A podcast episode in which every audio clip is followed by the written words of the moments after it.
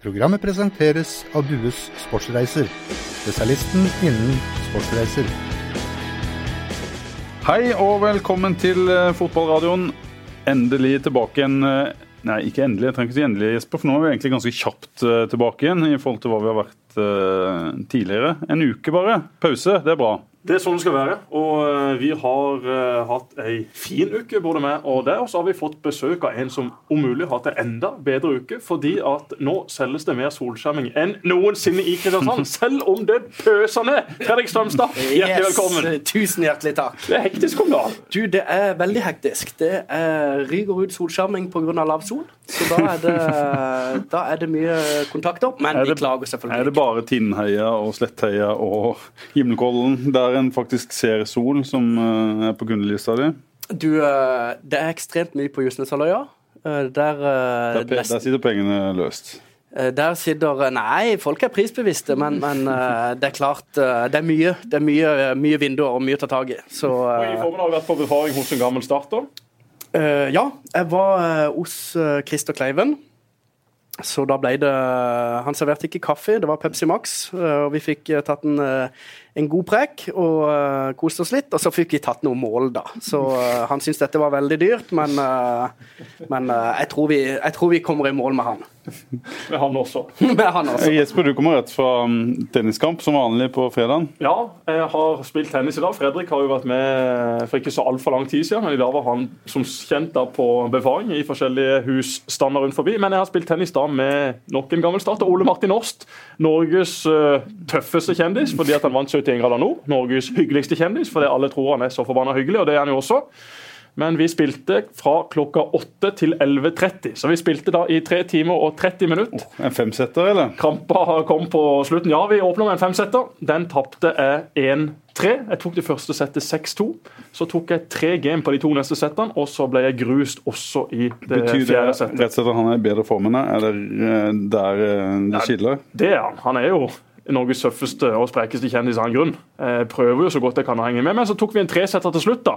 Og da tok jeg det første settet. Enkelt. Så slo oss tilbake det andre. Og så hadde Ole 5-2-ledelse i de tredje. Hadde flere matchballer. Man skulle liksom avgjøre med en vinner langs linja, og det går jo aldri. Så da klarte jeg å fighte meg tilbake til 5-5.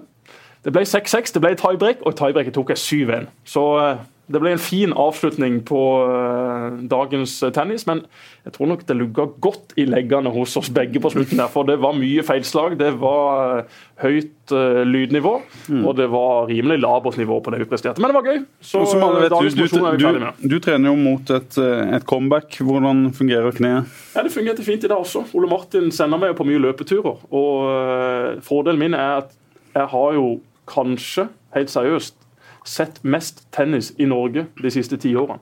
For jeg har jo spilt på så innmari mye tennis. Jeg har tippa mye mer på tennis enn jeg tippa på fotball. Så jeg har en tennis-smartness som Årst ikke har.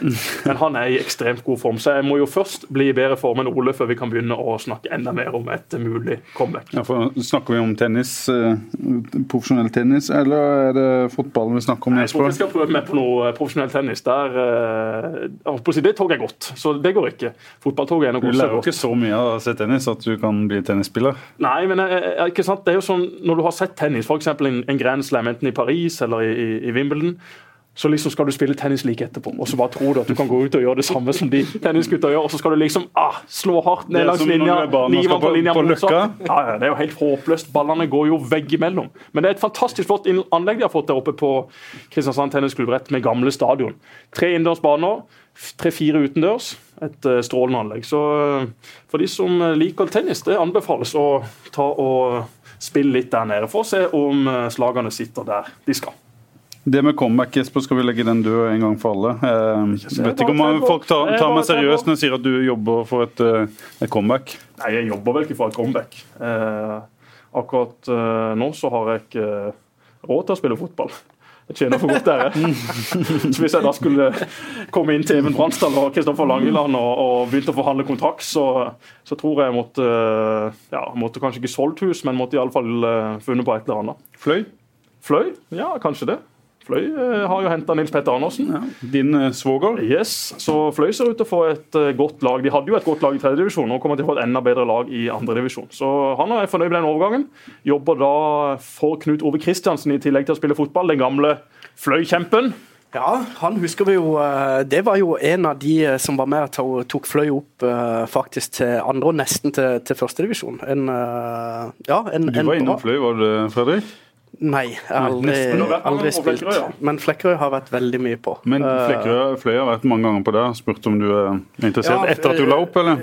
Ja, ikke sånn, ikke etter det var helt slutt, men, ja. men de var litt sånn i Litt i begynnelsen der om det kunne være interessant å gå videre. Men uh, det ble egentlig aldri noe av det. Det, det er noe å gå fra når du spiller profesjonelt og, og du, du, trener én til to ganger om dagen på, på, hverdagen, kontra at du skal jobbe eh, åtte til fire, og så skal du på trening. Mm. Um, så er du kanskje lei av det helgelivet, kamper ja. i helgen? Du vil ha en mer normal tilværelse, kanskje? Det er jo, det er jo litt det det går på. Mm. du det er jo egentlig drebens divisjon, det. For det at du, du, jobber i tillegg til å spille ganske høyt profesjonell fotball, og så er du vekk i alle helgene. Så, så det, det, er jo egentlig sånn sett den verste ligaen å, å være i. Men du har spilt i år for Don 2 en del uh, kamper? Ja, en del blir, blir Hvor mange kamper har du spilt? Jeg, jeg, lurer på om det var åtte.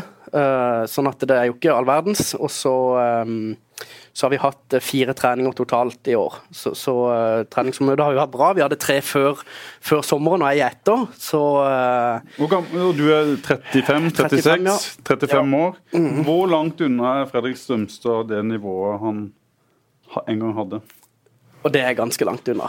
Det er ganske hva, hva er langt unna. Forskjellen er uh, Det er jo som hvis du spiller fotball regelmessig, så, så er det jo sånn teknikk og, og pasning og sånn, det sitter jo uh, relativt greit. og, og kan du på en måte få fort opp igjen. Men det er jo, det er jo hurtighet, forflytningsevne og kondisjon som du på en måte Og styrke, ikke minst. Uh, og det å tåle mye trening. Uh, der er en jo langt unna. Men Føler du deg som konge liksom, når du spiller i, i eh, Er det femte eller fjerde divisjon for Don Toro? Uh, ja, vi rykker vel opp nå, så ja. det blir fjerde, tror jeg nå. Uh, nei, jeg føler meg ikke som noen konge egentlig i det hele tatt. Det, jeg står stort sett rundt, rundt midten og så prøver å, å henge med. På, du som har sett noen Don Toro-kamper?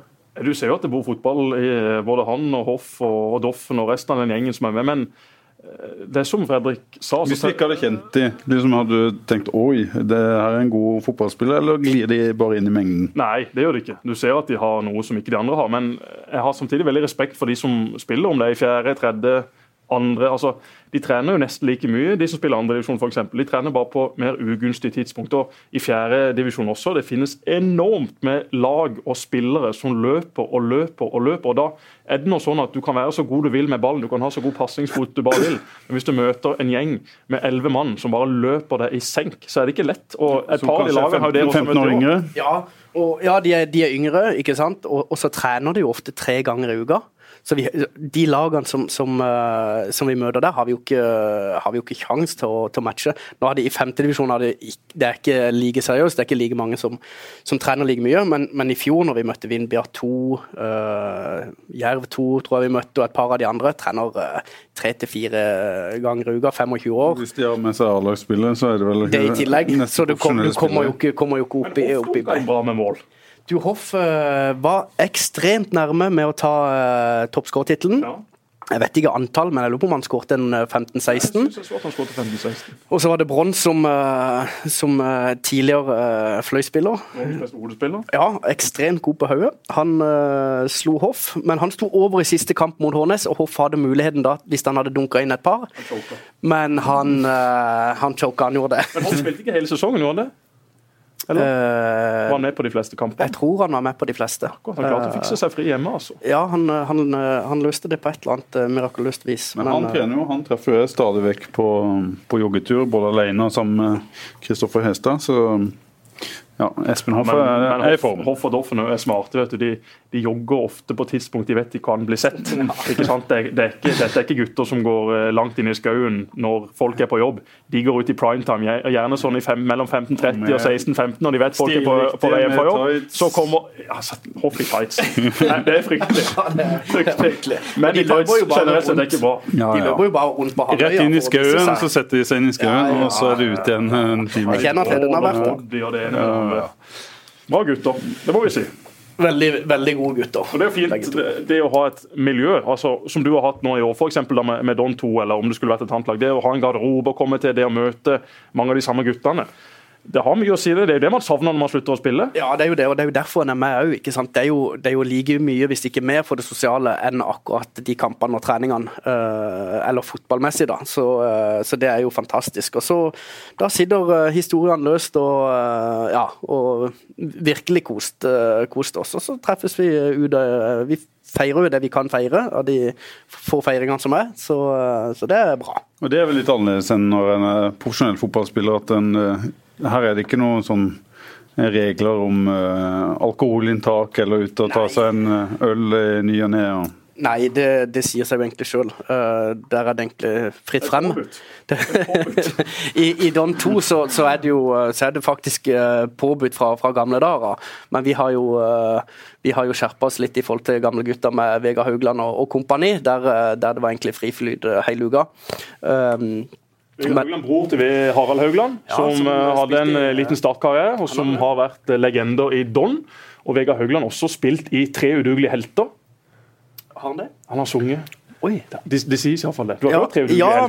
men, nei, den, men jeg har jo, han har, synger vel på den Don-sangen, Ja, tror. Ja, han har spilt veldig mange kamper mot. Tre Jeg på, jeg, Inn og, inn og google de, så finner dere noen er aldeles nydelige sanger. Vegard Haugland og hva heter Eivind eh, med litt lite hår, nå husker jeg hva han heter, sentralt på midtbanen til Donder i velmaksdagene. Espen Furuholt. Ja, det var Det var gode spillere den gangen også. Det var. Vegard Haugland som eh, har Myggen som sitt store forbilde. Og ble jo helt uh, skjelven da de, da de en gang møtte Risør. Og Myggen var med på Risør-laget. Han, han var helt ute av seg sjøl. Jeg tror ikke han husker et sekund fra den kampen. Du, Vi må jo bare eh, finne kanskje noen historier, og så må vi snakke om Start. Fredrik, du har vært eller sittet i, i statsstyret inntil eh, nylig. Hvordan var det? Du, det var eh, veldig gøy. eh, lærerikt. Ny erfaring. Og så er det jo Så var jo det den tida hvor økonomi egentlig var eh, det meste vi diskuterte. Eh, og Og da var det ikke hvordan man skal bruke pengene. det var ikke om hvordan du skal bruke, det var hvordan du skal få inn og overleve. Eh, og det var jo det, var, det er lærerikt, det, men jeg var jo Flere styrer på den tida, gjorde du ikke det? Gjorde jeg det? Du satt vel i ET? Det må vi ta etterpå. Og, eh, Var du med på det? Å ja, flutestyret, ja. ja. Det var Det var noen historier fra deg òg. Vi må ikke la det bli for internt. Hva, hva slags styre er det? Skal vi ta den like først? Det kommer vi tilbake. Bare noter Fruits med Z, så kommer vi tilbake. Ja. Eh, men nei, det var eh, Men jeg regner jo med at jeg ble spurt til å være med der på, på grunn av litt sport, da. Og det var ikke så mye vi fikk jobba med sport før litt, litt mot slutten. Eh, men men eh, gøy også kunne være med og bidra på, på, på det en kunne. Så, så en, ei erfaring rikere. Eh, absolutt. Så nå har vi fulgt det, da, at vi har overlevert eh, et bra arbeid gjennom to år til noen som kan bringe det videre. Så eh, det blir veldig spennende å se. Skulle du ønske at du kunne vært med lenger, videre? Nei, eh, det var ekstremt mye jobbing. eh, Og i tillegg til, til det jeg driver med, med nå, så, så, så var det knapt eh, tid til det. Så, så Og så ble vel kanskje det en litt annen jobb å sitte i startstyret etter at det kom inn nye eiere, som da oppretta sitt eget selskap som i stor grad skal styre klubben. ja, så det hadde jo ikke vært naturlig at en sånn sett heller hadde vært med. Det kunne jo vært en hadde fått en forespørsel, men, men, men jeg syns det er egentlig greit eh, sånn som, sånn som det ble, at de, de da styrer, eh, styrer skuta videre. og Jeg er sikker på at det går veldig bra. Hva tror du om Start nå, Fredrik? Det er jo spennende tider for oss som følger de tett. Ja, det eh, De har jo vist med, med det de har henta inn av forsterkninger på administrasjonen, at de mener alvor. Eh, og så håper jeg det at Både håper og tror at de mener alvor på, på spillerlogistikk òg. Og så håper jeg at de, de kan treffe blink med de spillerne de henter inn. Uh, og personlig så tror jeg du er avhengig av uh, skandinaviske spillere som har, gjerne har spilt i Eliteserien, samtidig som de er sultne. Uh, for, for det å hente utlendinger eh, det ofte, tar ofte tid. Eh, de skal tilpasse seg. Det, det både klima Det er alt, egentlig. Så det kan være vanskelig uansett om du kommer fra Frankrike eller fra Afrika eller fra eh, fra Øst-Europa. Så, så, jeg håper at, eh, at, det kommer inn noen som, som du nesten er garantert uh, suksess med fra, fra dag én. For det, det, er jo ikke noe tvil om at de er avhengige av forsterkninger. Mm. Er, er den situasjonen her litt lik som var i 05, 06, 07? Når du var en viktig del av startlaget, som, som jo spilte i førstedivisjon, og så kom det inn noen nye eiere som som eh, var villige til å legge ganske mye penger på bordet for å løfte klubben? Ja, øh, det, er jo, det, er jo, likheter, selvfølgelig. Uh, det var i 04 Ravnås og, og ja, Soler kom inn? Ja, de kom inn i 04, og så, så hadde vi jo en stamme som, som etter hvert presterte veldig bra. Mm. Og det var jo ikke gitt at det hadde lykkes, men da hadde vi ikke fått inn Ballagarba, Valencia og kanskje Ben Wright òg, som, som dunka inn mye mål, så hadde vi nok ikke seila gjennom uh, sesongen på den måten, tror jeg. Uh, i, i 04 med, med opprykk. Uh, så, så, det var veldig avgjørende at vi fikk inn de forsterkningene. I motsetning, til da, I motsetning til da så vil jo antakeligvis komme flere spillere inn nå som uh, kanskje blir mer toneangivende enn det dere henta inn. Men, men, det var vel en, du var jo en del av det, Jesper, og ung uten å spille veldig mye. Men det var kanskje en mer talentfull gjeng den gangen enn, enn de som har tatt start opp nå? Mye mer talentfull. Det var en gjeng som var veldig på gang selv om man ikke hadde sett det på, på banen i, i, seriespill eh, i, i 03 og, og, i 02, så var det en gjeng som kom opp samtidig og som pusha hverandre. og Så fikk du da i tillegg inn Tom, som var en trener som klarte å få ut det maksimale av denne gruppa. Mm. Og så eh, fikk du en enorm entusiasme i hele byen, og så begynte man å vinne kamper, og så bygga bare dette på seg. og Så var det jo egentlig 04 som var selve fundamentet for det som burde blitt gull i, i 05. Og det er klart at Hvis vi skal sammenligne den gruppa som nå er i start i 17, med den som var i start i 04, så var det en mye mer talentfull gruppe i 04. Det var mye mer spennende spillere. Jeg kan ikke se for meg at eh, Start i 2018 kunne klart noe som helst i nærheten av det, hvis det bare hadde kommet tre-fire forsterkninger, som heller ikke var noe sånn kjempeforsterkning. Atle Oa Haaland var sånn sett en, en, en garantist for at han hadde vært så god for MK, men hadde jo aldri vist noe på det øverste nivået. Eh, Bala Garba var en OK spiller, men var jo heller ikke en spiller som Eliteserien eller Tippeligaen den gang lå langflat etter. Alex Valencia var avskrevet i Brann. Jon Midtun Lie er jo en av de tristeste spillerne du kan finne, hvis du bare sitter og ser på innleggene han slår, eller driblingene han tar. Stefan Berlin kom fra Sverige og var vel heller ikke noen åpenbaring i, i, Sverige. Men Tom fikk jo det beste ut av den gruppa, mm. uh, og fikk jo alle til å uh, stå sammen. og alle kjente rollene sine inn og ut. Så det er jo selvfølgelig mye av grunnen til at Men så skal, vel, også skal vel også sies at du, Kristoffer Hestad, Marius Johnsen, dere var jo ikke noe Eh, norgeskjente idrettsutøvere når dere gikk inn i den vinteren foran 05-sesongen. Eh, det var jo mange som var usikre på de òg. Det kan vel skje nå at, at uh, inn med noen nye spillere, og at noen av de som er her, blomstrer skikkelig. Tobias Christensen, Eirik Vikne. Det, det, det, det, er talenter i Start, absolutt. Og, og, det jeg tror på en måte kanskje mangler eller som mangler nå, som kanskje vi hadde da, var at du hadde en Steinar Pedersen, Bård Borgersen. Du hadde ei gruppe som visste hvor nivået lå, og hvor, um, hvor, lista måtte ligge for å lykkes. Og du har hele tida noe å strekke dette. Nå føler jeg at kanskje ikke du har de samme typene. Så det, uh, når Tobias Christensen som 17 år er, best, så, er det, så er det litt, litt feil. Han han burde hatt noen som var bedre enn han, som, mm. som, eh, som, hadde på en måte satt hvor lista ligger. Og det er de, de, de spillerne han ønsker å ha inn i start. Du må ha en referansespiller. Altså spiller som kommer inn og sier OK, sånn er nivået her. Da hadde ikke Start fått opp så mange unggutter de siste årene. fordi at Da hadde konkurransen vært mye tøffere. Da hadde lista ligget mye høyere. Og Det er der lista må ligge. Der kommer lista til å ligge i 2018. Tor Christian Karlsen og de nye eierne kommer til å hente inn bra med nye spillere. De kommer til å hente inn gode spillere som koster en del penger, men det kommer de til å gjøre for å være jeg, så sikre som de kan på at Start nå stabiliserer seg i Eliteserien. Og Da får man jo også helt andre krav til de unge gutta som skal slå gjennom. Da nytter det ikke å komme opp gjennom startsystemet og ikke være i nærheten av ditt aldersbestemte landslag. sannsynligvis. Da må du være inne på disse landslagene. Da må du være en av de beste i ditt kull. Da må du prege disse lagene. Da er du plutselig så god at du kan slå deg inn på et A-lag. De som har kommet opp de siste årene, har jo ofte gjort det pga. at A-laget har vært så totalt sjanseløst men det vil ikke være i 2018. og Da er det mye tøffere krav. Tobias Christensen han er jo den mest talentfulle og den mest spennende spilleren. Og så har du også da Vikne, som eh, har vist i Obos-ligaen at han har tatt eh, store steg de siste årene. Og så har du Mikael Ugland, som uh, Mick Priest og co. har vært veldig fornøyd med de siste fire-fem månedene. Spennende spiller som kanskje absolutt, trenger fysikk for å, for trenger å ta neste steg. Fysikk, men har, har, også noe med seg. Så han tror jeg ikke kommer til å spille veldig mye i 2018 hvis man nå får tak i de midtbanespillerne man jakter på. Ja, han er jo 17 år ennå, så en, skal vel kanskje ikke være 17. Det er ikke normalt at, å være som Tobias Christensen, at en går inn og preger lag som 17-åring. Når, når, eh, når, vi gjorde det veldig bra, så var vel, og vi kalte det slo igjennom, så, så var vel vi eh, 22. Mm. Så det er jo å se litt uh, Når skal du egentlig slå igjennom? Det, det, er jo sjeldent at du er 17 år. Og, og jeg, jeg, tror ikke, uh, jeg, tror ikke, heller unge gutter som er 16-17 at det må være målet at du skal spille på et A-lag når du er 16-17. Det er en læringsprosess fram til du er 18-19. Du vil alltid ha noen syke talenter i Europa ikke sant, som slår igjennom mm. når de er 18-19, men det, det, er fåtall, altså.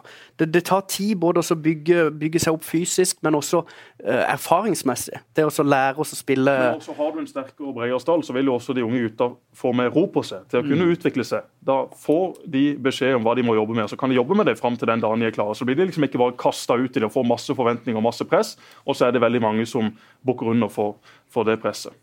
Vi vet jo litt om, om, eh, hva som eh, skal skje de neste ukene og månedene. Jesper, du vet sikkert eh, mye, og så, så tipper jeg kanskje sånn at du ikke vil si alt her. Dempsey er jo blitt snakka om, kan jo fort være den nye treneren Start går for. Har du noe å gi våre lyttere der? Nei, men det er jo han du har uh, skrevet om som Start sitt førstevalg, så jeg stoler på det på. Og uh, kunne man fått tak i, i Dempsey, så, så, hadde det vært en, en, bra mann for Start. Og det var vel litt som vi snakka om sist, at det nå å få tak i en trener som kan sørge for at Start blir stabilisert i Eliteserien. Nå trenger ikke Start en trener som skal være der i ti ti år. Nå trenger de ikke en trener som skal prøve seg, nå må man ha inn en som man vet kommer til å levere. og Senest for en time siden så snakka jeg med Ole Martin Åst om potensielle nye trenerkandidater. og Han snakka veldig varmt om dem som har ikke jobba med han, men kjenner jo godt til han eh, ved hjelp av hans kontakter i, i Fotball-Norge. Så, så Hva vet du om han, Fredrik? Eh, ikke annet enn en det en har hørt uh, og spillere som har, som har, hatt han. Og uh, Det er jo utelukkende positivt, spesielt på feltet, og det er jo ekstremt viktig å være, være dyktig der. Så jeg kjenner, jeg, kjenner, han ikke noe, noe, noe annet enn en det en sånn sett har hørt. Men, vi, trenger, vi trenger ikke foregripe noen begivenheter her borte. Jeg har hørt at, at han, Start ville ha han da Steinar Pedersen eh, måtte gå. Ville egentlig ha han umiddelbart, men fikk nei av Molde. og Det er vel naturlig kanskje at etter søndagens kamp mot, uh, mot Sarpsborg at uh, klubbene går i, i, dialog igjen. Det er jo min eh, magefølelse på dette.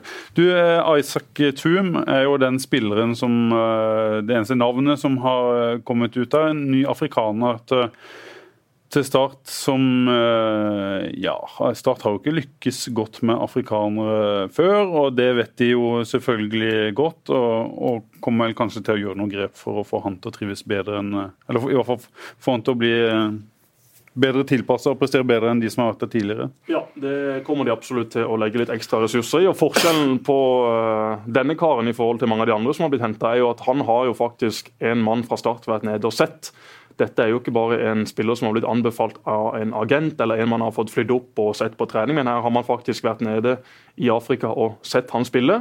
Og så har det også blitt gjort en grundig bakgrunnssjekk. Så jeg er ganske trygg på at han kommer til å være på et helt annet nivå enn mange av de andre som har blitt henta før. Og det er jo også derfor Tor Christian Karlsen har eh, blitt gitt den jobben han har blitt uh, gitt. Det kom Frank uh, Mersland inn. Hva er det nå? Vi er midt i innspilling.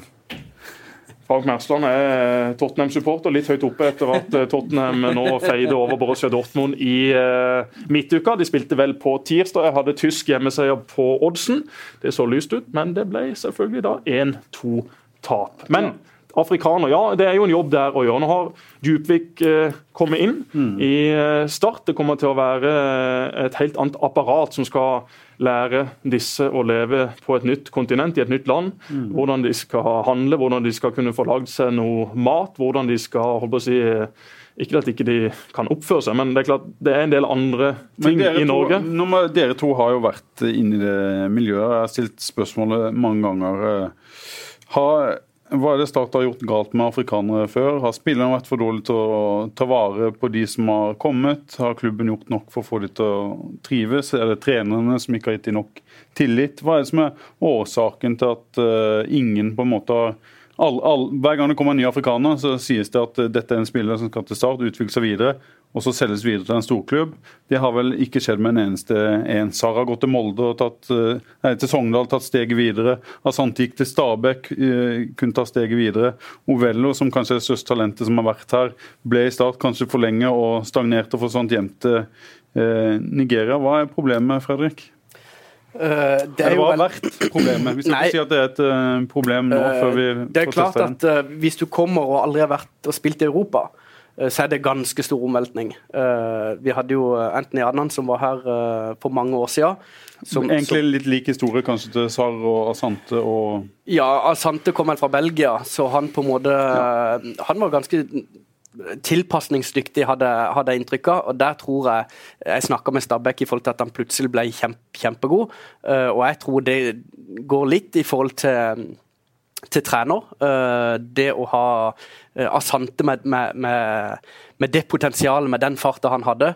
Uh, hvis du hadde satt deg ned sammen med han og, og, gjort ting veldig enkelt for han, så tror jeg du kunne fått ut mye mer av han. Mm. Um, Men det var også Asante den spilleren i start som hadde flest målpoeng. altså Det glemmer man ofte. Det høres ut som at Asante var ubrukelig i start, og så at han bare plutselig begynte å blomstre i Stabæk. Det er jo feil. Han, vel, han, spilte vel to bortekamper året før han uh, reiste, og fikk beskjed om at han var for dårlig defensivt til å spille bortekampene, som da Start hadde Williamson og Hoff stort sett på topp istedenfor å spille med Tripic og Asante på kantene, som ja. en, en kunne gjort. da. De, så, så handler det litt om det òg. Så kom han til Stabæk, som, som var et bedre lag enn en starta. Det skal vi ta med. Han har jo sagt ja, sant, at Bob Bradley tok han til side. Gjør, dette hva du skal gjøre. Som du etterlyste.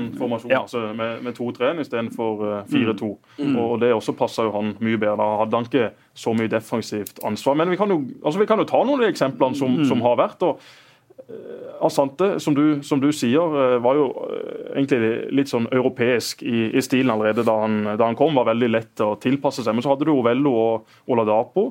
De tre bodde jo sammen oppe med Kongsgårdbanen. Mm. Og, og, Start har gjort en altfor dårlig jobb med tanke på å eh, ta seg av disse når, når de kommer. Altså, det er ikke sånn at de har bodd under broa med, med rumenerne, men, men, de har fått et sted å bo, og de har fått det de trenger, og de har fått bra med lønninger. men men uh, altså, Det er så mye dette... mer som spiller inn yes. du, uh, i forhold til, til at du, du, er langt hjemmefra.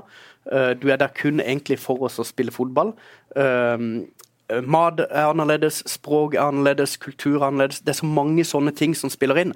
For det, at det det ender opp med, det er at du skal prestere. Og da må alle de tingene være på plass. Det var jo selv når han flytta til Frankrike, så var det en overgang å flytte til Frankrike. En annen kultur Uh, språk, alt sånn, som, som, som forstyrrer og som, som, kan tappe energi, i verste fall. Og da presterer du ikke like godt på, på banen. Mm. Så det er, det er, ekstremt viktig. Hvordan eh, opplevde du det? Fortell litt om det, Fredrik. I, Le Mans, som du Eller Le Mans? Eller Le Mans? Le, Mans. Le Mans. De Bois. Uh, nei, det, uh, Du var jo veldig hjemmekjær til Kristiansand og Norge. Ja, og, og jeg syns det, det, var vanskelig å bo Satt i et stort hus? Ja, du sitter i stort hus og er alene og skal egentlig bare spille fotball. Uh, det er vanskelig. Nå hadde jeg jo Torstein Helstad ved, ved siden av meg som, som, uh, som, som makker, da. Så, så det funka jo uh, det bra. Og vi, vi, presterte jo bra, men det er jo et, det er jo et, et spesielt språk, da. Når alt går på fransk, ikke du skjønner noe. Ler de av meg? Gjør de narr av meg? Du, du, vet jo ikke. Så, så, går jo det litt Sannsynligvis lo de av deg. Mest sannsynlig så lo de, så de kikker de, og så ler de, og så, så var det et eller annet. Men, men nei, det er jo ikke så stor forskjell fra Norge og Frankrike, men, men allikevel så er det vesentlig forskjeller som, uh, ja, som går på kultur, uh, som språk, går på språk. Det går ikke mye på engelsk eller afrikansk i startgarderoben? Nei, det, det og, og, der nede i Frankrike så var det jo kun fransk.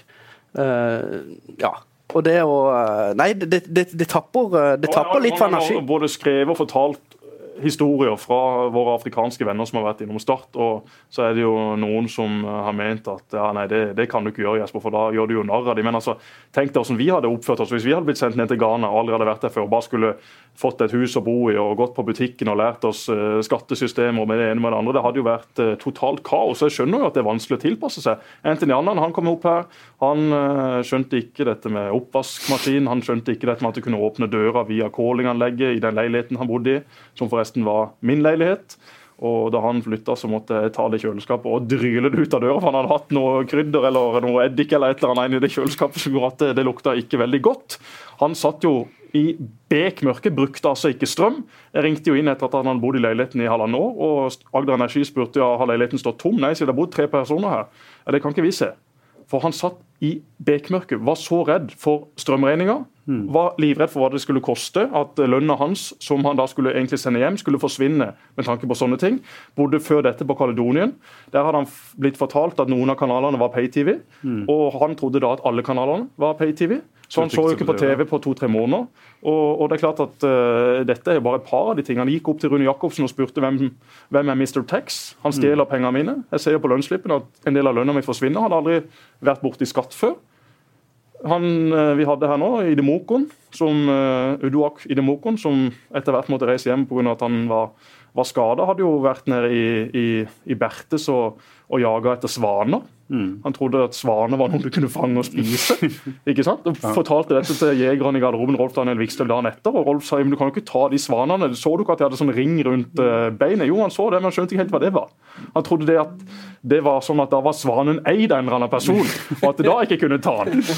Men han ville rett og slett ta en svane med seg hjem og tilberede ja, ja, og, og spise? En svane på grillen, han. Ja. Det hadde vært et synd. Så har du en av de første, uh, Valdo Niabaro, som, som, kom til, som, kom til, start. Dette var ei Kenya gjennom Start sitt samarbeid ja, med Matari United. United. Mm. Og, og, eh, og, dette er jo Berru som har fortalt. Um, de skulle jo uh, en av de jeg første Jeg bare legger historien om på Tom Berus. ja, det, det, det, jeg, skal ikke ta kreden for han sjøl, men, men, de skulle ta med Valdo på, på kino en av de første ukene. Han bodde hos Øyvind Klausen, tidligere startspiller, som, som hadde vist han støvsuger. Uh, og Dette syntes jo han var helt fantastisk, så han hadde jo støvsugd hele huset. Så når de kom for å hente han på kino, så hadde han gått og lagt seg, for han så sliten. Så, så det, er jo, det, er jo, kontrastene.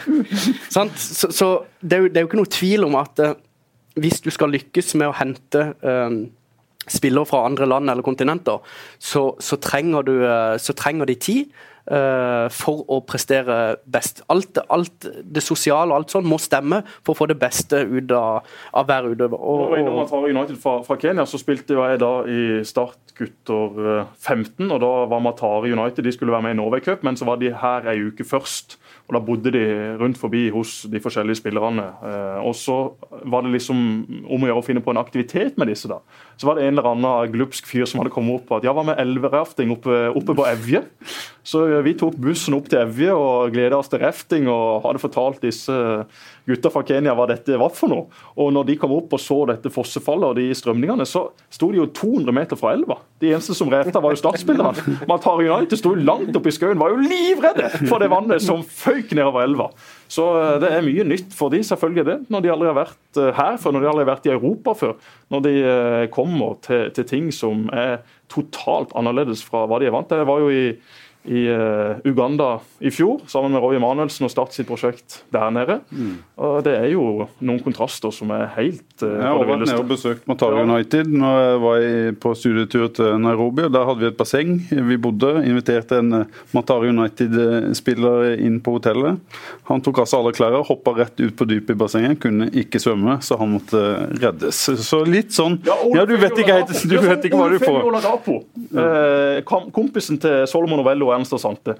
Han skulle vi prøve å lære å svømme på La Manga, for der hadde de sånn innendørs svømmebasseng. Og alle de jeg har vokst opp med, alle de jeg har vært på stranda med eller et svømmebasseng med, de har jo sånn viss forståelse av hva som er opp og ned i et basseng, og, og, og de flyter jo også litt. Men altså, Ole Femi Dapo han sank som en stein, rett til bunns, og skjønte liksom ikke hvordan han, klarte liksom, og Det var jo snakk om én meters dyp, så han kunne jo bare reise seg opp, og så kunne han stå.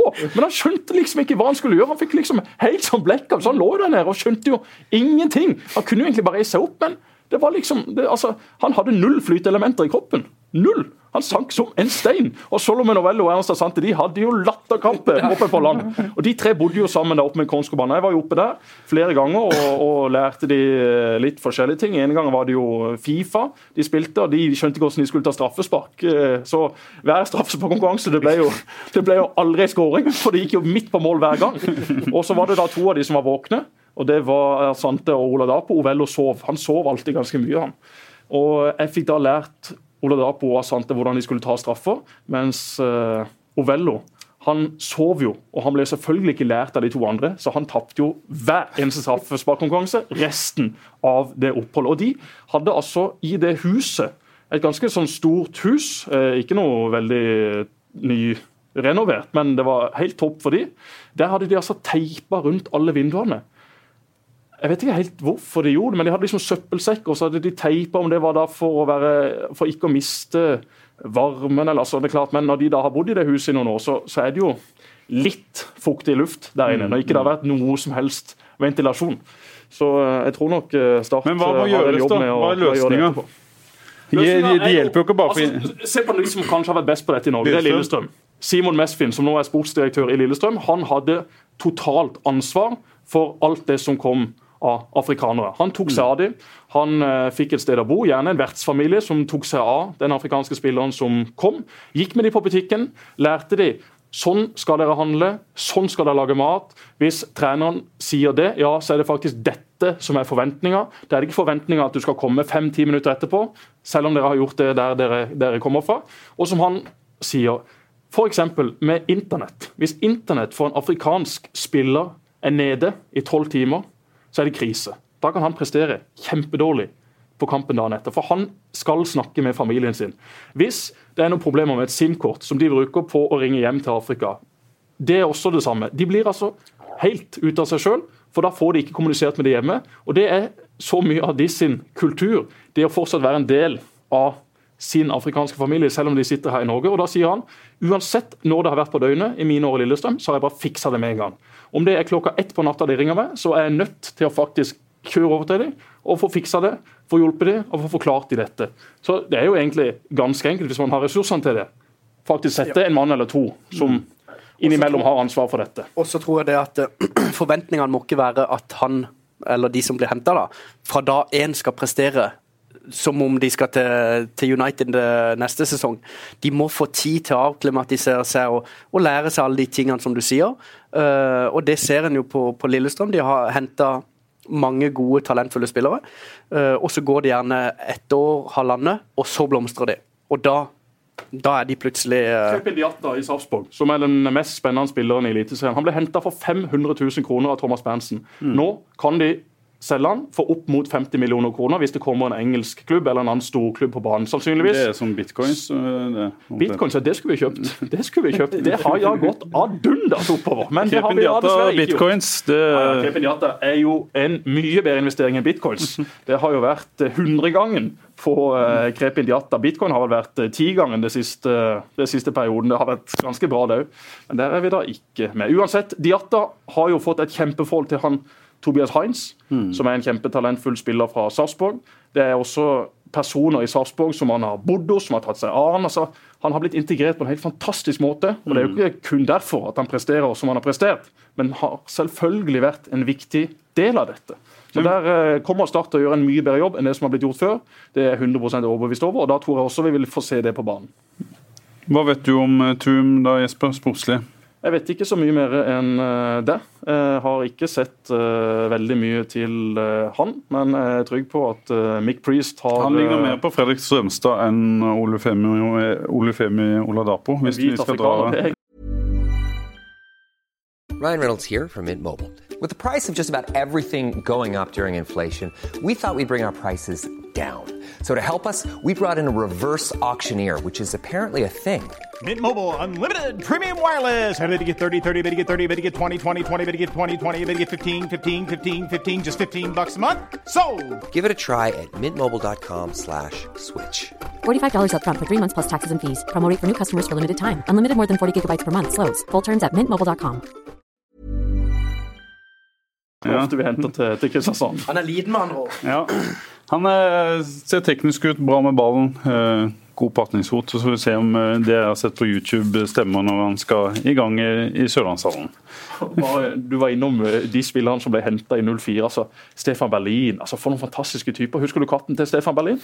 Ja, ja jeg husker katten. Det var en uh, Var det persisk innekatt eller et eller annet? Så ut som en svær rotte. Det var uh, Ja, det var, det var, det nærmeste du kan komme, komme ei svær rotte. Det var nei, nei, Stefan var en fantastisk fyr. og Uh, han pusta vel med ræva når han kom, men ble, Tom fikk ganske god uh, skikk på han etter hvert. En, uh, en, en super type, men litt sånn, litt snål. snål ja. Var jo helt overlegen på World of Warcraft. Ja, han var jo og faktisk Han solgte jo en sånn World of Warcraft-konto gjorde det for Jo. 70 000 kroner på den tida. Han, Han var eh, en av de beste i Europa. han var blant de aller beste i Europa på Warcraft. Helt vilt. Men Ben Wright òg hadde du et nært og godt forhold til. Han var en av dine bedre kamerater her i, i byen. Ben Ja. Eh, Ben var, han var jo en supertype. En, en ekstremt høflig, eh, hardtarbeidende engelskmann som eh, Ja, de eh, Han han, Han, Han var ikke på dette, han. Han var gjerrig. Han var, han var, han var smågjerrig. Vi lagde jo en sånn video. uh, hvert år så lagde vi en video som oppsummerte sesongen med ting som skjedde utenfor banen og noe på banen, som vi fikk uh, en fra NRK til å redigere. Som ble skikkelig bra. Så da måtte vi jo betale han noen kroner. Uh, og pluss den der CD- eller DVD-disken. Eh, med logo, og det var altså full rulle, og så den kosta 150 kroner. Og spurte liksom eh, har du lyst til å ha et minne fra 2004. Det var ganske bra, eh, bra video med, med godt innslag av humor. Alle ville ha det. Og så Og Ben, is, is it free? Så sier han nei, nei, det koster 150 på grunn av det og det og det. No, I don't, I don't think so. så han sto over, da. Så smågjerrig, ja, det var han, men en fantastisk Fantastisk herlig type. Ja. Og han eh, hadde jo eh, virkelig eh, sin storhetstid i 04. Da skåra han, ble toppskårer. Da ble han toppskårer. Kom inn med lange klyv fra, fra venstrekanten, som han spilte under, Ja, under rask, selv Tom. om han kanskje ikke så sånn ut.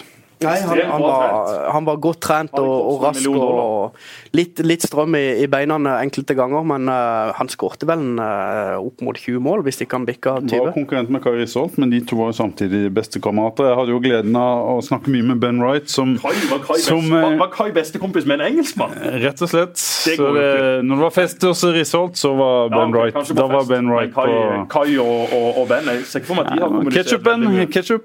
Det var, det var samme sånn. Jeg sendte jo melding til Kai her tidligere i uka fordi at jeg skulle høre om han òg kunne komme i dag. Og uh, Han eh, har jo lagt ut mye bilder på uh, sosiale medier de siste ukene når vi er inne på dette med tennis, for han ser jo ut som Roger Federer. Ja. Han har jo også vunnet noen kamper borte i Arendal inne i dette Sør Amfi. Og jeg spurte han fotballradioen på fredag. eh, Så kan vi ta litt tennis fra morgenen av. Pokker, kan ikke. Skal støpe gulv til lysthuset slash fotballpuben min.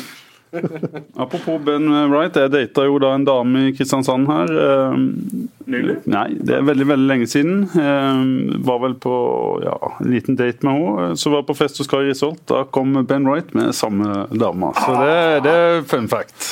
Ja, og det navnet det kjenner du jo, gjør du ikke det? Nei, det husker jeg ikke. Nei, du husker ikke det, men, men hun er faktisk søstera til et av de største talentene som har vært på Sørlandet, Carlos Diaz. Så hvis det, var, hvis det stemmer Nei, jeg tror ikke det. Oh, nei. Jeg tror Nei, det så mange. Ben, okay. ben, har nok, ben, ben har nok vært borti flere damer enn eh, enn en, da. Ja, det kan vi slå. ja, men det vil jo være det samme som for deg, da. Det Sånn er det. Ja, skal vi gå videre?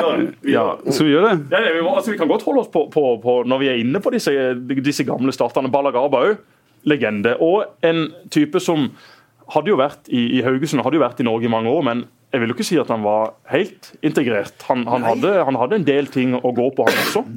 Han, eh, han hadde jo det i forhold til eh, det å komme seg til, bare til trening. Eh, Da stilte han seg bare på rundingen.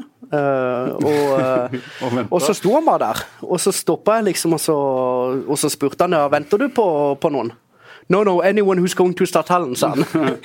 Men Så da- det, han var jo en som tok litt for seg, da, i motsetning til noen andre afrikanere. Han, han ble, skulle jo plutselig bli nordmann, og han skulle stemme. ja, ja, ja. Skulle inn på det norske landslaget, husker jeg, vi, var, vel med han, eh, så vidt jeg husker, Fedrelandsvennen og stemte første gang han skulle stemme. Han hadde, da tror jeg han hadde norsk pass og skulle stemme Høyre.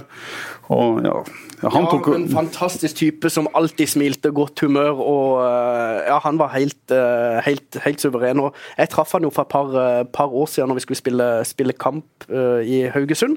Og hvem andre enn Balagarba var det da som sto i Securitas-sjekken og som skulle sjekke oss, sjekke oss inn, da. Så, uh, og da snakka han veldig bra norsk òg. Det gjorde han ikke i, eh, Han, når, han når vi spilte med han. seg Haugesundsdialekter Ja. der borte, så han, har endelig lært seg litt norsk. Og det var jo på tide, for mens han var i stat så skjønte han jo mye norsk, men han snakka jo aldri noe norsk. Nei. Det var bare en tommel opp, og så visste jo Tom aldri om han faktisk hadde forstått det eller ikke.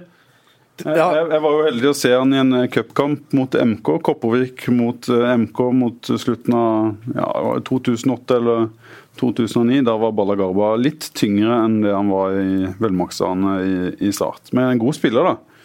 En fantastisk spiller. Selv om han kanskje, kanskje huskes eh, best for at han ikke takla Bahoken. Bahoken. Ja, Tom Nordli har jo passa på å eh, minne Norges befolkning på det et par hundre ganger siden det skjedde i 05. Nå ringer min sønn, jeg skal bare si at han er alene hjemme. Oh, ja. Hei. Du er alene hjemme. Pappa kommer hjem seinere. Ja, veldig kult. Veldig kult. Fint. Da snakkes vi. Du, du får lov til å gå og spise chips og brus og alt du har lyst på i dag. Det er fredag. Ha det. I dag var det i dag. Ja, men du, jeg holder på å spille, jeg holder på å spille inn eh, radioprogram, så vi snakkes seinere. Greit? Fint. Ha det.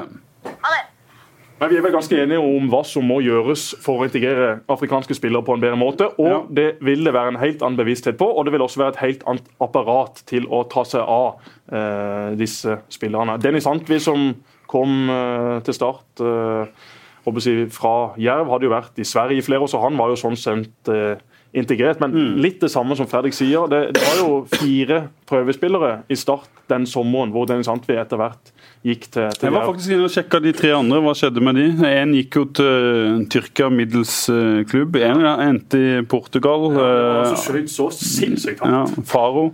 Men det som å hente, hente prøvespillere, da, det er ekstremt vanskelig. For at du får sett de noen få ganger. Du blir bitte grann kjent med åssen type. Eh, og så kan du se på OK, men hva, hva gjør de for noe når de kommer på et prøvespill? Sant? De har jo egentlig alt press på seg. Ikke sant? De får ikke på en måte senka skuldrene. De vet de kanskje skal være der i kanskje maks ei uke.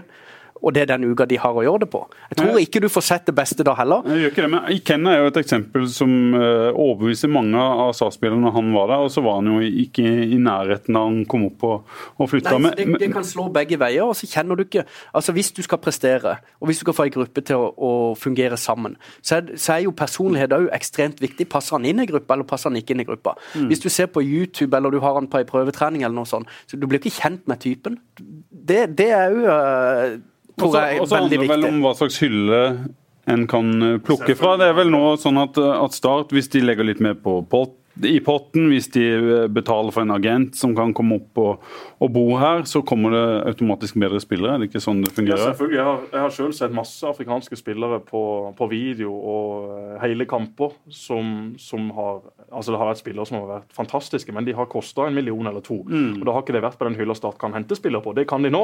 Og da er selvfølgelig eh, risikoen for å holde på å si hvis vi skal sammenligne med, hvis vi kaller det å, å bomme da, i forhold til hva som har vært her før, så er jo den minimal.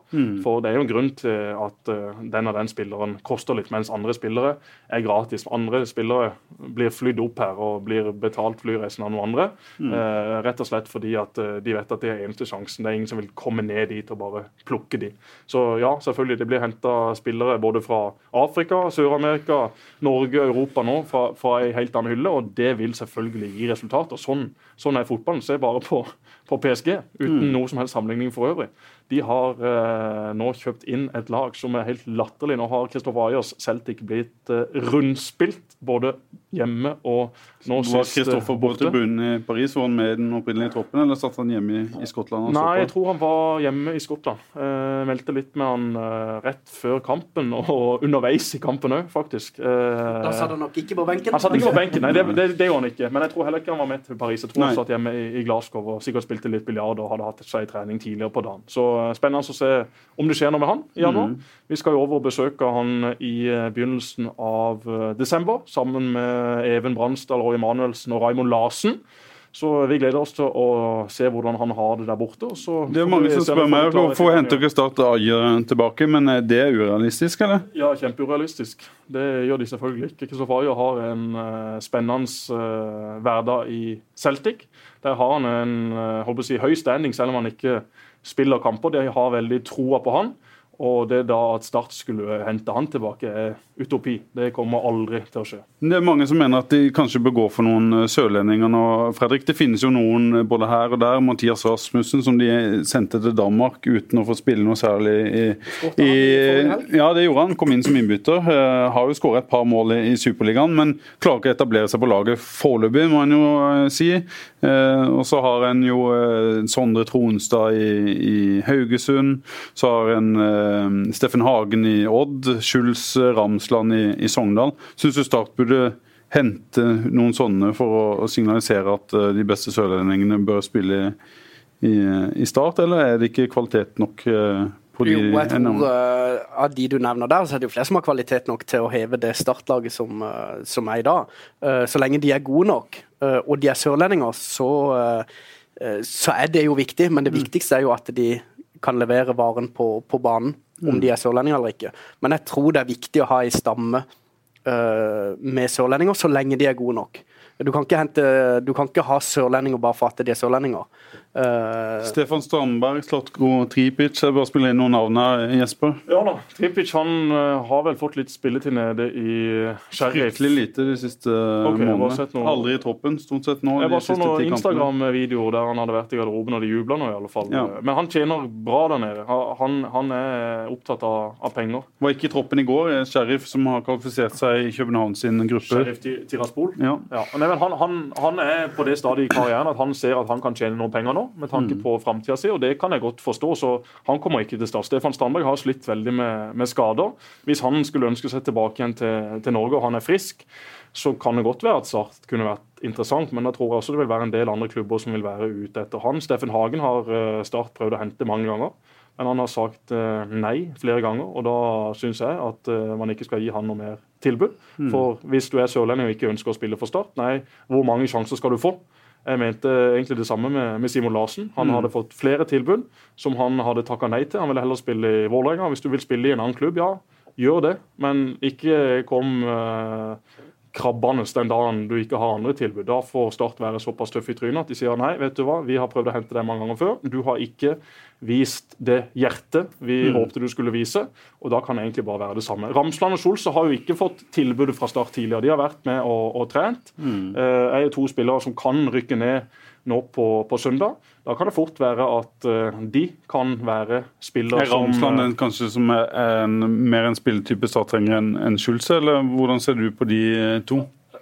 La oss si at det kommer en trener som skal spille 3-5-2. Da kan uh, Scholz eh, bekle eh, flere posisjoner på midtbanen. Han vil være en anvendelig spiller, en spiller som har levert ganske bra i Eliteserien i år. Det vil ikke være noen spiller som går inn og hever laget markant. Nei. Det vil nok ikke Ramsland heller være, med tanke på at nå skal nok Start hente inn en spiss ved siden av Floki. Men da òg hatt Ramsland i den miksen, det hadde jeg syntes var veldig spennende. Hva med Sondre Tronstad i Haugesund? Nå, Det kan jo være sånn at Grindheim kanskje går til, til Haugesund. Nå har han fått masse tillit, men var jo, eh, ble vel tilbudt start eh, før eh, denne sesongen, der han ikke var, ikke var eh, spesielt eh, høyt ansett da i Haugesund. Og ble, ble ikke han henta til Haugesund av Mark Dempsey? Jo da, og, de, de eh, to har garantert et, et bra forhold. fordi at altså Sondre er jo en spiller som trenere liker. Han er proff, han er dedikert. Det er ikke noe tull med han. Du vet hva du får, du vet også hva du ikke får. Du får ingen spiller som spiller til åtte på børsen i tre kamper på rad, men du får en som leverer på det jevne, og som også er flink i, i treningshverdagen. Som har spilt en del i, med mye i Ja, Han har spilt uh, litt sentralt, han har spilt uh, også en del på, på kanten, så en anvendelig og smart fotballspiller. Til og med spilt høyreback i, i Haugesund i år. Ja, og jeg kan forstå at han reiste den gangen han reiste, fordi han, han følte vel at han skulle fått flere sjanser i start, og da kom det en engelsk klubb på banen, og det hadde vært hans drøm. Reiste til Huddersfield. Yes, og Så fulgte han den, og så ble ikke det som han hadde håpet, og så tilbake igjen til Haugesund, hvor han nå etter hvert har, har blitt en ganske rutinert uh, spiller på, på Norges høyeste nivå. Så, så det kan godt være at Tronstad en mann som kunne fungert, men jeg har vel ikke troa på at uh, det er han uh, Tor Kristian Karlsen ringer ned i, i disse dager. Jeg er helt enig med, med Fredrik at du må kunne ha en, en stamme av sørlendinger. Men da må jo sørlendingene være gode nok. Og så må du jo få tak i de sørlendingene du vil. Du kan ikke bare hive inn sørlendinger for at det skal være sørlendinger. Altså, jeg har sagt det 100 ganger og sier det igjen. Hvis det er elleve ghanesere som kjemper om gull på Sparebanken Sør-Arena, så er det utsolgt. Det har til syvende og sist ingenting å si hvem som spiller på den banen, så lenge laget spiller underholdende fotball. Jo da, det har selvfølgelig bitte litt å si, men det kommer ikke mye folk for å se sørlendinger rykke ned. Nei. Det har vi sett eh, de siste årene. Så eh, få inn noe kvalitet, og så får vi eh, håpe at eh, flere og flere sørlendinger kommer opp på det nivået som, som kreves, og det har jeg stor tro på.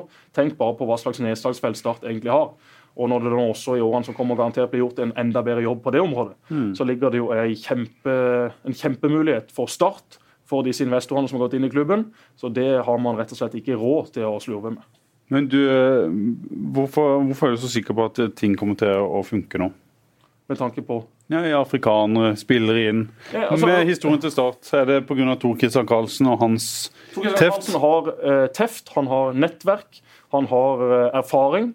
Og så har han ei lommebok å handle penger for, som da er sponsa av våre venner i Start en drøm. Det er jo den store garantien for at dette kommer til å bli bedre. Hvis det blir dårligere det enn det, som har vært det er jo ikke noe garanti. Nei, selvfølgelig. jo, Det kan jo ikke bli verre enn det det har vært. Det kan det ikke, men det er jo ikke noe garanti for å lykkes. Og lykkes vil det være da å blande seg inn i toppen i, i norsk eh, fotball. Ja, på, på litt sikt, på, på tre, fire, fem år, så, Mm. så er jo det målsettinga. Men til neste år nå så er det om å gjøre å etablere seg. Det er mange som skriker om åtte-ni spillere. Det kan godt være at det blir henta inn så mange, for det vil jo forsvinne også en del spillere. Mm. Men vi har jo også sett det gang på gang at selv om Vålerenga, Brann Lillestrøm har henta inn masse nytt, så skal jo dette også fungere. Fredrik. Du, du har vært en del av mange forskjellige lag. Det er klart at Dette med å være samspilt, dette med å, å, å ha relasjoner, det er jo kanskje det viktigste. Ja, absolutt. Men det finner smarte spillere sammen.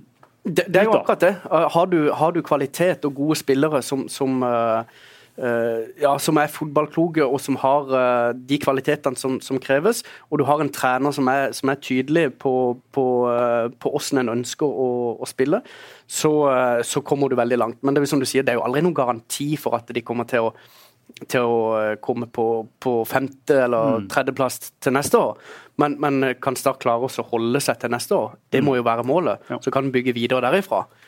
Ja, og, og dette som går på afrikaner, Bare for å avslutte afrikanerpraten for i dag. Men det er klart at som da Kristoffer Langeland, som er en av mine beste kamerater, som er styreleder i Start en drøm, altså han er jo en sånn person. OK, vi bruker x antall kroner på å hente han her. Ja, greit. Da skal vi også bruke x antall kroner på å få han til å fungere, på å få han til å trives. Nå skal vi ikke bare hente han, hive han i en hybel og så hoppe på det beste. Nå skal vi gardere oss så godt som vi kan for at dette skal fungere. Og Starts apparat utenfor banen har jo også blitt bygd opp eh, ganske bra etter at disse kom inn, og da må det selvfølgelig være enkelte personer i det apparatet som får det ansvaret. Og det ansvaret er jo faktisk ikke så veldig vanskelig å ta eller å håndtere, hvis du bare faktisk får beskjed om, om å ta det. Problemet før har jo vært at Start har ikke hatt ressursene til det. De har kanskje kunne kunnet brukt ressursene på en litt annerledes måte, men de som har vært i Start, har jobba ræva av seg og har hatt ekstremt eh, vanskelige arbeidsforhold. Fredrik som satt i styret ikke sant, sier det. Vi jobber jo egentlig kun med økonomi. Det gjorde jo egentlig også disse som jobba i klubben. Jeg skal ikke forsvare alt som har blitt gjort. Det har blitt gjort Nei, ja. ekstremt mye rart, men jeg tror nok folk forstår at dette Men du Altså, kunne ikke det blir sikkert fått eh, mange til å stille opp på det feltet der uten å betale masse penger òg. Så det handler jo om hva du har fokus på. Så dette høres jo lovende ut, så vi håper at det, at det funker. Vi må avslutte med litt, noen ord om Eliteserien, eh, Jesper. Du eh, Du skal jo på, sikkert på Fotballekstra på TV 2 til søndag. Hva tror vi? Hvem rykker ned? Vi har jo regna på dette i oddsmål, og der er det vel sånn at det er 53% sjanse for at Ålesund går ned. 47% sjanse for at Sogndal går direkte ned. Sogndal møter jo Vålerenga hjemme, mens Ålesund møter et formsterkt og medaljejagende Strømsgodset hjemme. Så Ålesund har den tøffeste kampen, men Ålesund har jo skåra ett mål mer mm. enn Sogndal, og derfor ligger de foran på tabellen. Det er 3,9% sjanse for at Ålesund og Sogndal ender på lik poengsum. Hvis det blir 1-1 i Ålesund, 0-0 i Sogndal, så er de helt likt. Ja, og da er det det jeg sier. Da er det 3,9% sjanse for at det skjer. Da vil det bli avgjort på innbyrdes oppgjør. Og Der er Sogndal best, for de har slått Ålesund i begge oppgjørene denne sesongen. Så der blir det et uh, lurveleven. Vi har fått med oss Jon Arne Riise i studio på søndag, så jeg gleder meg til å se han uh, enten juble eller banne og steike og skjelle ut den ene etter den andre i Ålesund, hvis det er Ålesund da som går ned. Og Så er det jo også spennende i toppen. Hva tror du da?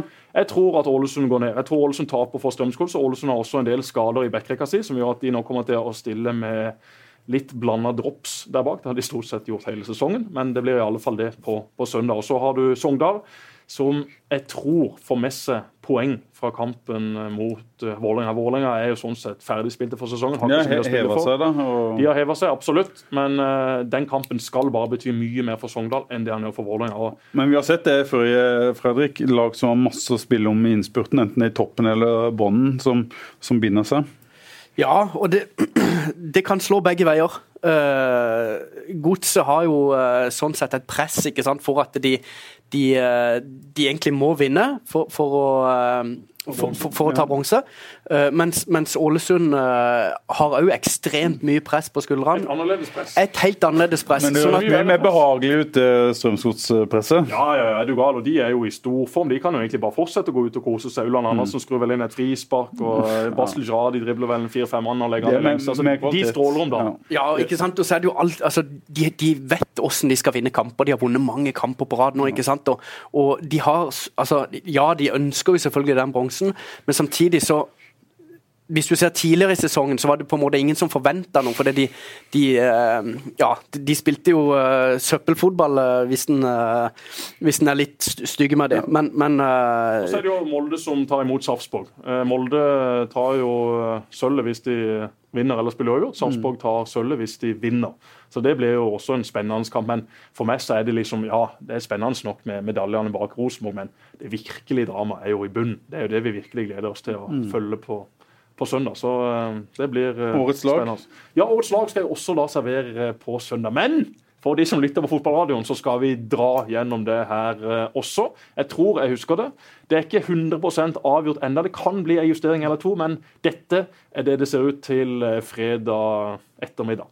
Det er da André Hansen i mål har vært outstanding for Rosenborg. Vært også uh, bra for Rosenborg i Europa. Arsenal aktuell? Det er bare så en tittel på en nettavis i, i Jeg vet ikke om det Han er 28 år. Han eh, har aldri vært så god som han er nå. Jeg vil tro at han er aktuell for større klubber. Om Arsenal, om han er på det nivået, det, det er vel litt vel, mer tvilende til. Men en fantastisk keeper som også er veldig bra med, med går, beina. Går han dit, så er det vel for å tjene penger og sitte på, på, benken? Det er det nok. Og uh, Han takka også nei til landslaget, så han. Han var mm. lei av å sitte på benken der. Så da regner jeg vel med at han vil gå til et sted han får spille. Mm. Så har jeg da kjørt ei trebackslinje bak. Sleit med å finne en virkelig god høyreback i 2017. God, din gode venn Amin Nori? Var ikke han en... Amin Nori var en het kandidat, men eh, han eh, røyk dessverre ut av mitt lag.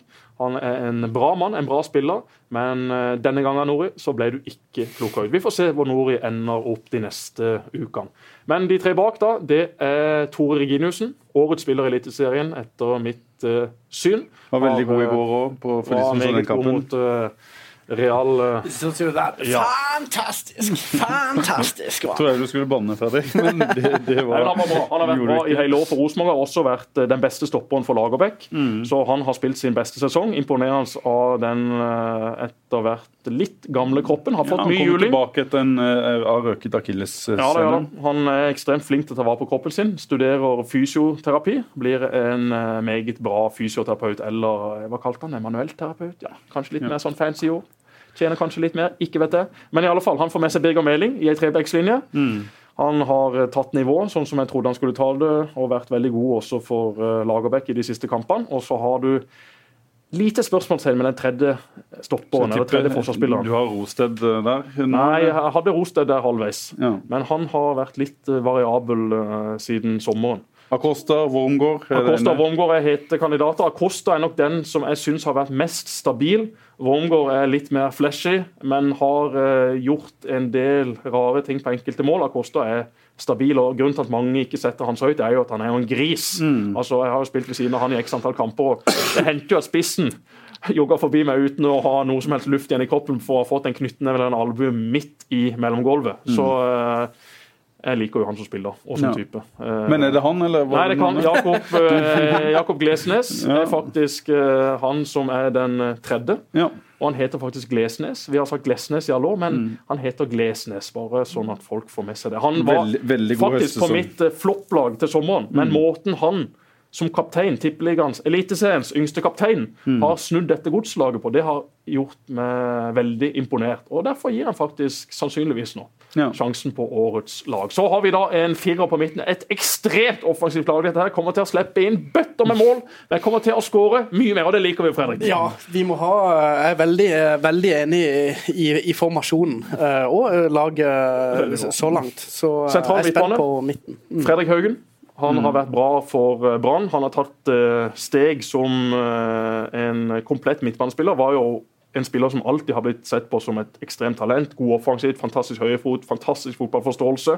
Har levert assist og mål også i år, men også blitt en mye bedre spiller når Brann ikke har ballen. Skal jeg være djevelens advokat og si at han har jo også slukna litt de siste Han har slukna litt, men han var ekstremt god for Brann da Brann virkelig var gode. Og så hadde han en eh, down i eh, høst, men så har han eh, begynt å levere igjen litt i det siste. Så han blir med på, på dette laget. Og ved siden av seg så får han på kanten en, Nei, sentralt, sorry. Der får han Kristoffer Sakariassen fra Sarpsborg.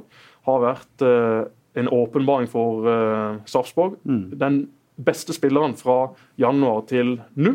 Han var ekstremt god i vinter, og du hører jo ofte om spillere som har imponert på vinteren, men som ikke helt eh, klarer å ta nivå når alvoret begynner. Men han har vært Men Har du eh, plassert glimrende. Mark Jensen ut på en av kantene, eller har du droppa han? Jeg har Jesper? droppa Mark Jensen. Jeg Ja. syns ikke Mark Jensen har vært uh, så god i år. Uh, vi må se litt på hva vi forventer av spillerne også. Mark Jensen har selvfølgelig løpt sine meter og vært en viktig brikke for Rosenborg, men hvis vi skal sammenligne med hva han har levert før, og hva jeg forventa han før sesongen, så har dette vært en skuffende sesong. og Zakariassen har vært så bra at jeg vil tro at Lagerbäck har han rimelig nærme en tropp hvis han fortsetter på, på dette nivået. Nok en strålende signering av eh, Thomas Berntsen og gutta der borte. Og på eh, kantene der har vi Ulland Andersen fra Godset.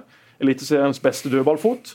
Har eh, i likhet med Godset vært gode den siste tida, men også vært gode vært god da Godset var dårlig. Så Han er jo han en, en landslagstropp, kanskje. En, en, en type som er viktig for alle lag med den. Absolutt. Eh, var nesten litt overrasket over at ikke han ble kalt inn i den troppen som var på tur nå til Skopje og Bratislava. For Mm. eh, jeg tror han har kvaliteter som Lagerbäck vil like. Og i alle fall når han har så sterkt fokus på dødballer, så trenger du en dødballfot som leverer gang etter gang. Mm. På andre kanten har vi en spiss, men som har spilt litt kant for Sarpsborg i år. Krepin Diatta. Eliteseriens eh, beste spiller, Eliteseriens mest eh, spennende eh, salgsobjekt, kommer til å være ekstremt god butikk for Thomas Berntsen og Geir Bakke. Så det er bare å ta av seg hatten for han. Har levert noen ting i år som er sånn Hallo, hva slags liga er det vi sitter og ser på nå? Har selvfølgelig ikke skåra og hatt så mange målgivende som man kanskje har hadde håpet. rå, rå fysikk, tross at han er ganske liten. Og mista mye av våren fordi at da var han og reiste med sitt U20-landslag. Og var vel også en del av Afrikamesterskapet. Så uh, han Måten han bare steg til værs og hedda tilbake i feltet. Jeg husker ikke, Var det i Bergen, eller var det en, en eh, hjemmekamp? En vanvittig spenst. hver gang han hopper. Ja, Han, vanvittig spenst. vanvittig spenst og fysikk. Og så har du da tre på topp, og det er de tre som har skåra mest. Kanskje litt kjedelig, men Bjørn Bergman Sigurdarsson var den beste spilleren i Eliteserien fram til sommeren. Vært litt variabel etterpå, men har likevel levert 14 mål. Små, småskader. Ja, litt småskader, men spilte faktisk mer kamper enn han pleier å gjøre, tror jeg. For han har slitt litt med skader, men har vært strålende for, for Molde i år. Nå ender det sannsynligvis opp med sølv. Og så har du OI, som eh, har slukna etter hvert. Har bomma på straffen nå sist og har mista toppskårertittelen til den siste mann.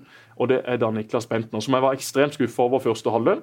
Da syns jeg ikke han var god. Ja, han skåra et par mål, men det hadde Fredrik også gjort om han hadde spilt spiss for Rosenborg i år. Så øh, han har øh, virkelig begynt å skinne etter hvert. Og imponerende at øh, Rosenborg fikk tak i han. Jeg trodde ikke det var sant da den nyheten smalt før sesongen, men der har du da mitt lag. Og så er det en del som er i vannskorpa. Og så kommer det også et flopplag, men det skal vi ikke ta her. Nei.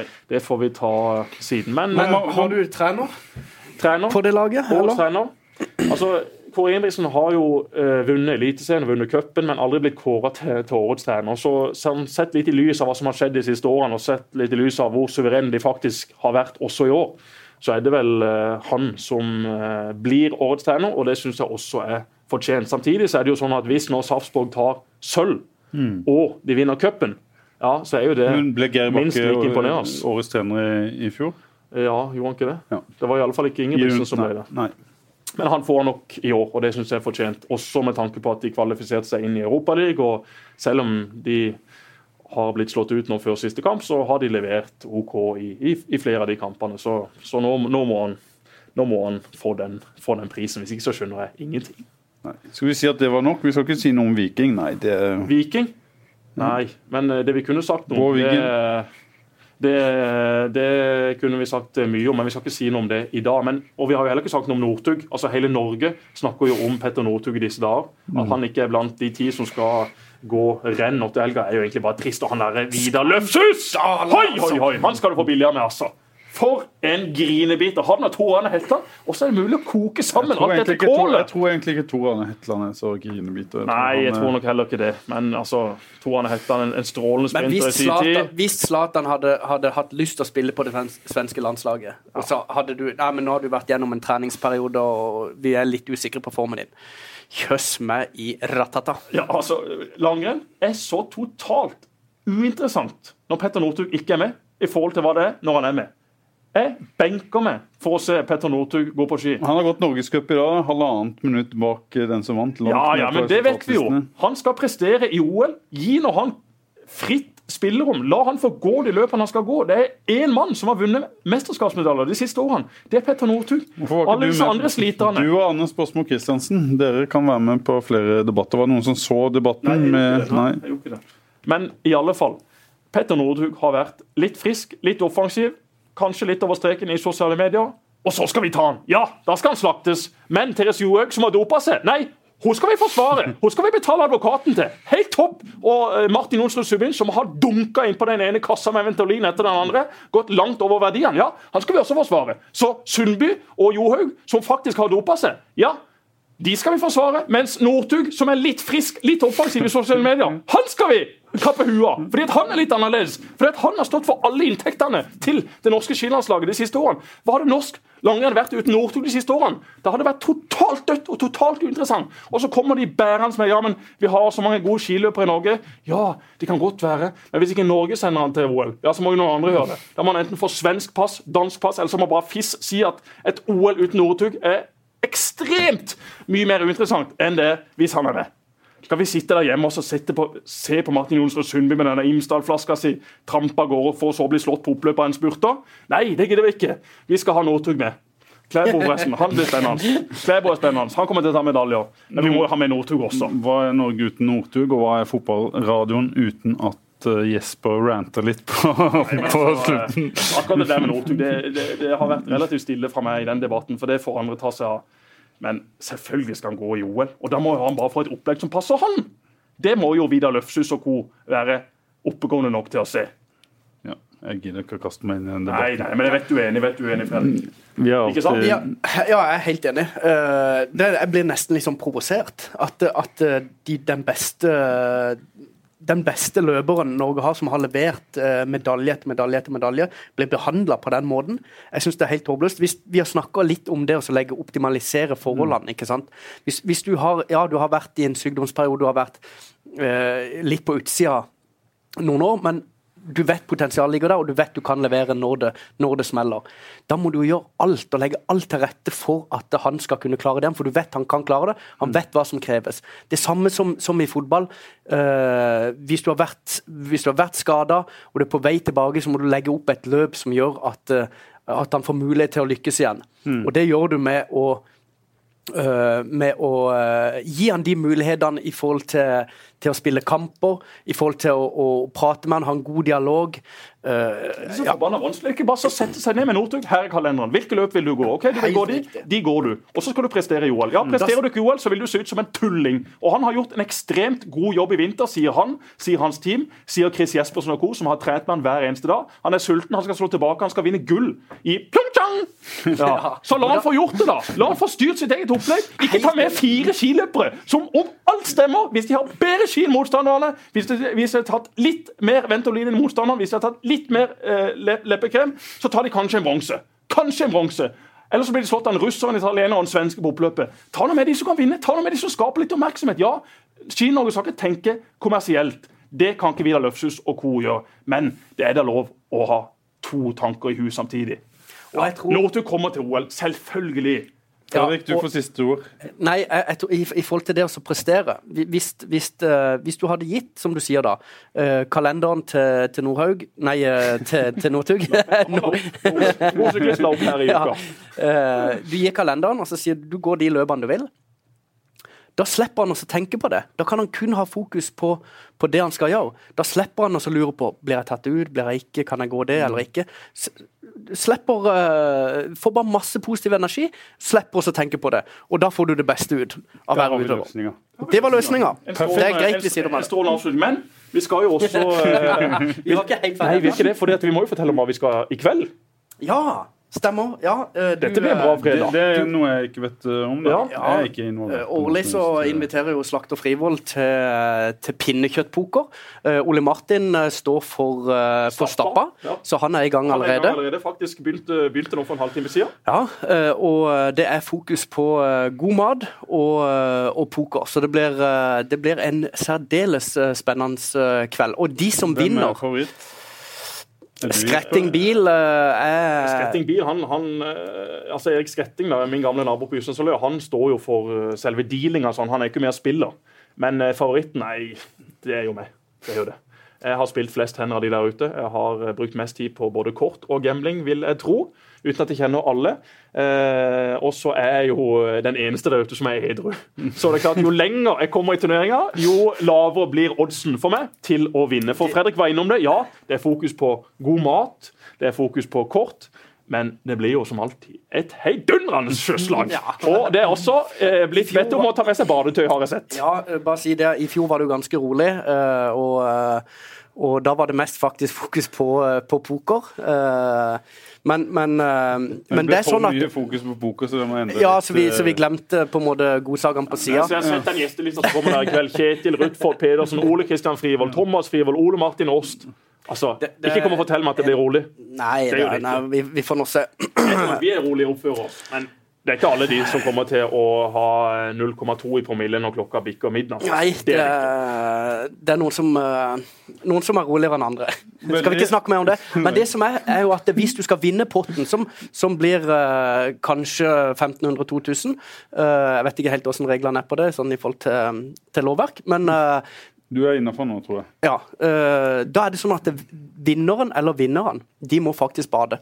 Og det er jo ikke meldt eh, kjempegodt vær eh, i kveld, så det blir jo spennende eh, å se om de faktisk tar utfordringa. For hvis ikke de bader, så Er det blir det kroner eller euro? Det er i kinesiske yen. Vet du hva de kaller 500 eurosedler i Spania? Denne tok Davy på meg i Fotballekstra på søndag. Nei. 500 euro i sedler. 500 eurosedler, vet du hva de kaller? Nei. Nei. Osama. Alle har hørt om han, men ingen har sett han. Gutter, takk for i dag, og lykke til eh, i kveld. Takk, takk for det. Programmet presenteres av Dues Sportsreiser, spesialisten innen sportsreiser.